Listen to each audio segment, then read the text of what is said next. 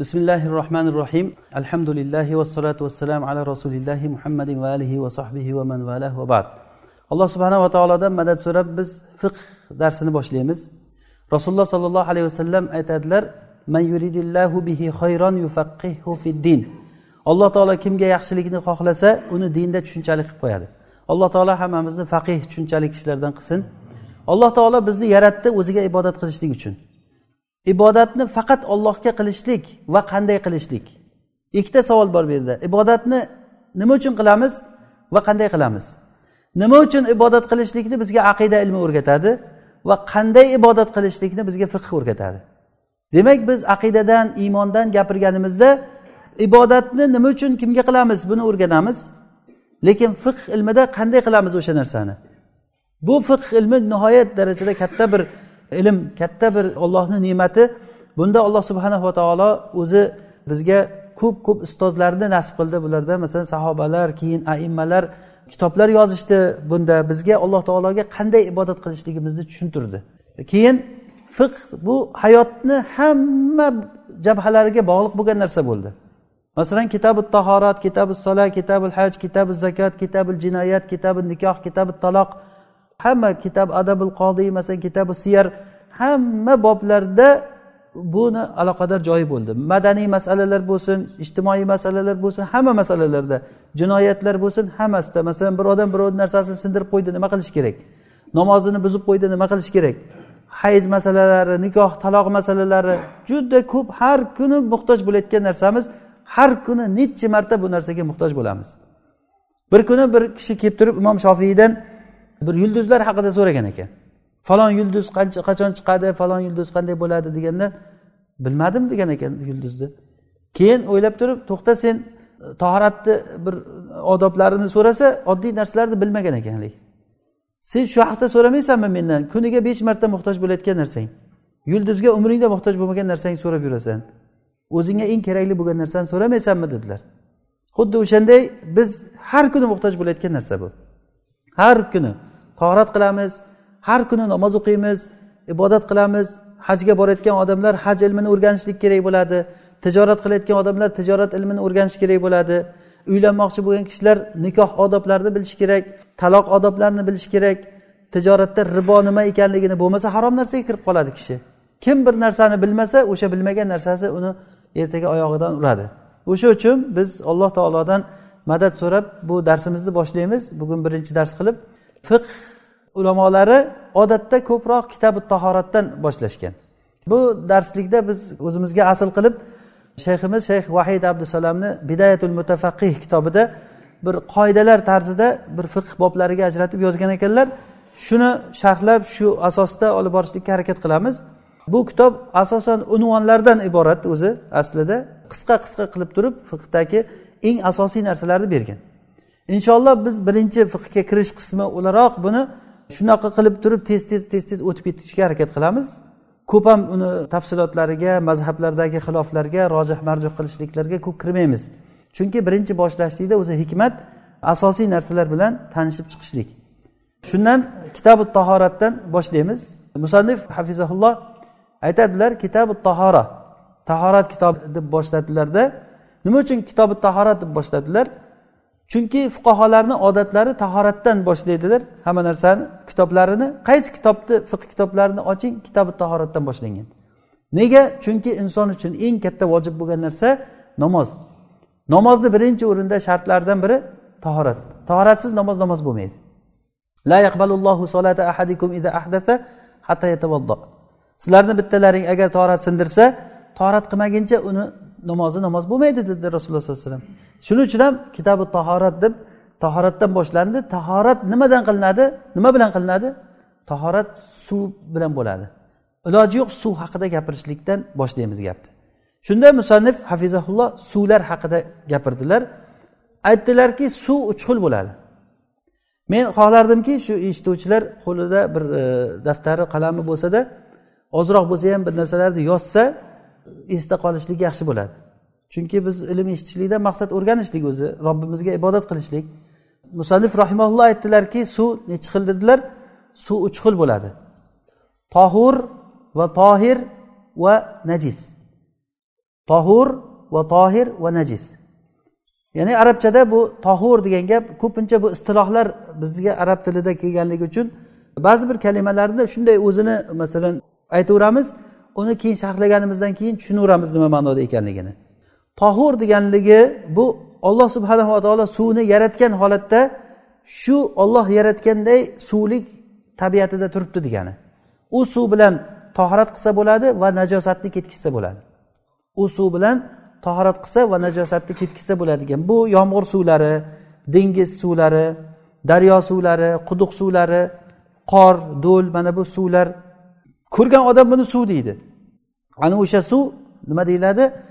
Maun tohur deyiladi. Ya'ni suvlik tabiatida turibdi degani. O'zi suvni tabiati uch xil bo'ladi. Birinchisi tabiati uchta. Birinchisi uni rangi keyin uni hidi keyin uni ta'mi. Mana shu uchta narsa suvlik tabiatida turgan bo'ladi. Uchta narsada ham turgan bo'lsa suvlik tabiatida turibdi degani. Agar shu uchta tabiatidan bittasiga agar najosat tushib turib o'zgartirsa masalan najosat tushib suvni uchta tabiatidan o'zgartirdi. Mana bu suv najas suv hisoblanadi. Agar suvni hidi o'zgarib ketsa najosat qo'shilib hidi o'zgarib ketsa yoki rangi o'zgarib ketsa yoki ta'mi o'zgaradigan bo'lsa suv najas suv hisoblanadi. Demak o'z uz o'zidan biz hozir suvni ikkitasini o'tib bo'ldik tohur bilan va najisni. O'rtada tohir qoldi. Ya'ni tohur nima ekan? Tohur degani olloh yaratganday suv turibdi. U suv bilan tahorat qilsa bo'ladigan suv degani.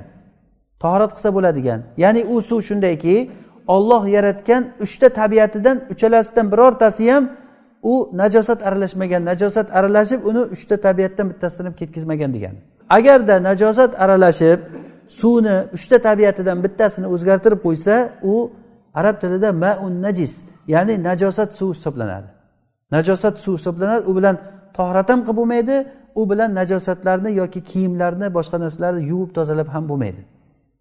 Ho'p najosat suv aralashgan suv qanday bo'ladi?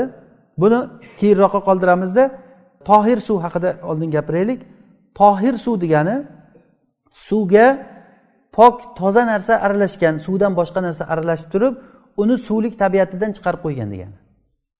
Suvlik tabiatidan chiqarishlik uchun biz aytdikki suvni nechta tabiati bor dedik? Uchta tabiati mana shu uchta tabiatdan ikkitasini chiqarsa suvlik tabiatdan chiqib qoladi. Agar bittasini chiqarsa suvlik tabiatidan chiqmaydi. Agar najosat aralashib turib bittasidan chiqarsa suvlik tabiatidan chiqib qoladi. Ammo agar tohir toza narsa aralashib turib bitta sifatidan chiqarsa u suvlik tabiatidan chiqmaydi. Misol uchun suvga shakar soldik. Suvga shakar soldik. Shakar u suvni rangini o'zgartirmadida ta'mini o'zgartirdi. Ta'mi o'zgardi. Masalan ba'zi bir shakarga o'xshagan bir narsalar bor. Suvni ichiga sovorsangiz suv shirin bo'lib ketadi lekin rangi hidi ushtirishtiraveradi mana bu shirin suvga torat qilsa bo'ladi suvlik tabiatidan chiqqan yo'q degani. Agarda ikkita tabiatidan chiqarsa ikkita tabiatidan chiqarsa bu suvlik tabiatidan chiqqan bo'ladi. Masalan ikkita tabiatidan chiqqanligi misol uchun suvga choy soldik. Choy ham rangi chiqadi ham ta'mi chiqadi. Demak suvni ikkita tabiatidan chiqardi. Ham rangidan ham ta'midan. Demak u suvlik tabiatidan chiqdi. Choy bilan tohrat qilib bo'lmaydi degani. Choy bilan u tohir deyiladi lekin tohur deyilmaydi. Masalan sho'rvani suvi. Sho'rvani suvi rangi o'zgargan hidi o'zgargan ta'mi ham o'zgargan. Uchala tabiatdan ham chiqib ketgan. Yoki bo'lmasa masalan bir suvlarga daraxtlarni bargi tushib kuz paytlarida suv sarg'ayib qoladi. O'sha sarg'ayib qolgan suv sarg'ayib qolgan suv agarda hidi o'zgarib qolgan bo'lsa suvlik tabiatdan chiqqan hisoblanadi. Agar hidi o'zgarmagan bo'lsa bitta tabiatidan chiqqan ya'ni rangi o'zgargan. Rangi o'zgargan suvga torat qilsa bo'laveradi. Ammo hidi ham o'zgargan bo'lsa unda torat qilib bo'lmaydi. Ta'mi o'zgarganligi masalan dengiz suvi sho'r suv. Sho'r ta'mi sho'r. Lekin hidi va uni rangi suvlik tabiatida turibdi. Demak bizga yana takror aytaman. Tohir toza narsa aralashib suvni uchta tabiatidan ikkitasidan chiqarsa suv suvlik tabiatidan chiqib ketadi.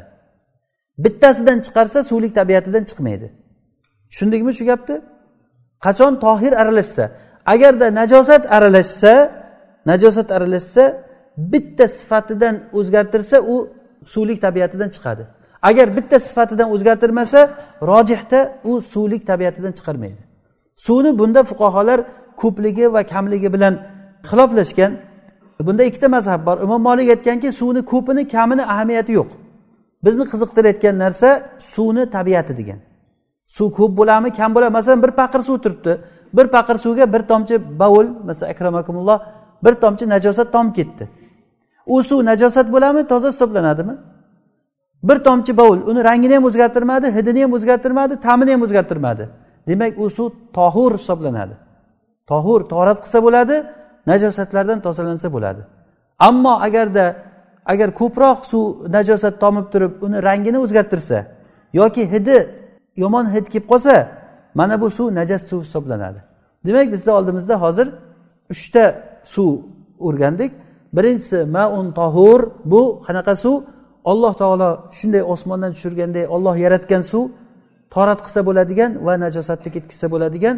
Ikkinchisi maun tohir unga suvga halol pok narsa aralashib turib suvdan boshqa narsa aralashib uni suvlik tabiatidan chiqarib qo'ygan. Masalan loy.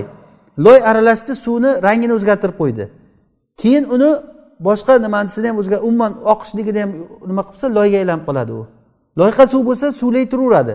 Rangi boshqa bo'lsa. Lekin uni uni suyuqligini ham o'zgartirib yuborgandan keyin suvlik tabiatidan chiqarib qo'yadi. Ammo agar najosat suvga aralashsa suvni uchta tabiatidan bittasi o'zgarsa suv najas bo'ladi bu najas suv bilan torat qilib bo'lmaydi inshaalloh kelasi darsda yana bu darsimizni davomi bor inshaalloh har kuni o'n minut o'n besh minut vaqtimiz boricha mana shu narsani bir silsilalik dars qilib o'tamiz inshaalloh alloh taolodan so'raymizki bu darsimiz alloh taolo o'zi barakali qilsin bizga bilmagan narsalarimizni o'rgatsin سبحانك اللهم وبحمدك نشهد أن لا إله إلا أنت نستغفرك ونتوب إليك